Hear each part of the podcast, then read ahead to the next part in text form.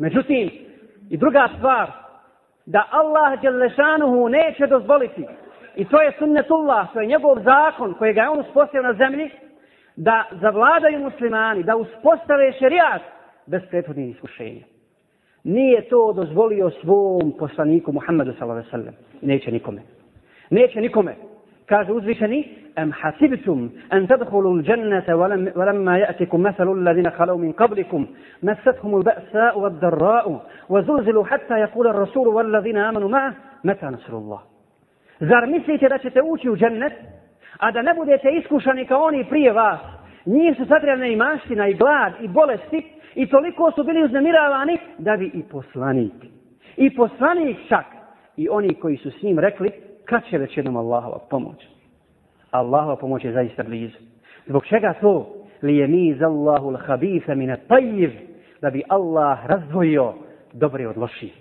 Da bi se očistio muslimanski saf. I na kraju, bez ikakve sumnje, pobjeda pripada islamu. Pobjeda pripada islamu i spletke nevjernika padaju, padaju u vodu. Allah je dao pobjedu poslaniku sa veselem. Nakon što su duše došle bile do grla i nakon što Allah objavljuje ajet i kaže va te billahi vununa. I o Allahu ste svašta pomišljali. Ne munafici, nego najbolji od ovoga umeta.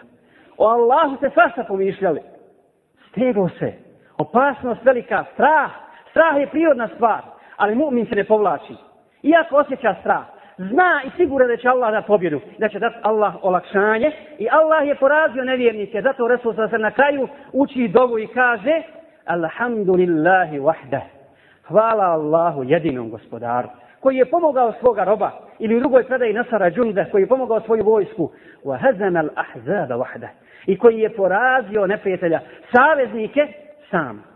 Koji je sam porazio nevjernike jer Allahu je vojske ne zna niko osim on i Resul sallallahu alejhi ve sellem je pobjedio i Ibn Ishaq bilježi predaju da je Resul sallallahu alejhi nakon te bitke želeći da malo odahne da se odmori došao kod Aiše sjeo je skinuo je naoružanje sa sebe pa mu je došao Džibril i kaže ja Rasulallah zar si to odložio na oružanje kaže jesam. Kaže vallahi meleki nisu odložili na oružanje meleki nisu odložili na oružanje nego ti Allah naređuje da opremiš vojsku i da ideš u Benu Kurejza židovi, Benu Kurejza iz Medine, također još veća opasnost. Neprijatelji izvana, neprijatelji iznutra s kojim skopili savez, ali da uvijek izdaju.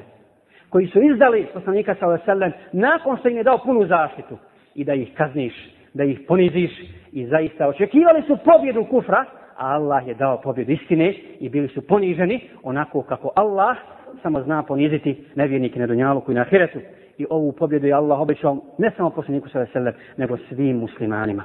Svakoj skupini koja se okupi na istini i uzdigne zastavu la ilaha illallah, da se bori po tom zastavom do svoje smrti, Allah je obećao pobjedu, rekavši wa kana haqqan alayna الْمُؤْمِنِينَ i nama je obaveza da pomognemo mu'mine.